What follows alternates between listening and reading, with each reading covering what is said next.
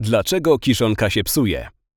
W zasadzie przyczyną psucia się kiszonki jest dostęp do tlenu obecnego w powietrzu. Taki stan ma miejsce nie tylko w przypadku niewłaściwego zabezpieczenia kiszonki folią, ale też słabego ubicia materiału. Jednak najczęściej kiszonka przegrzewa się przez niewłaściwe wybieranie. Wyrywanie i podrywanie materiału powoduje napowietrzenie kiszonki, a w konsekwencji jej szybszy rozkład. Kolejnymi powszechnymi błędami są powolne wybieranie i odkrywanie zbyt dużej powierzchni. Kiszonkę należy odkrywać stopniowo. Wybierać z jednego końca na drugi, z góry na dół i okrywać z powrotem po zakończeniu wybierania.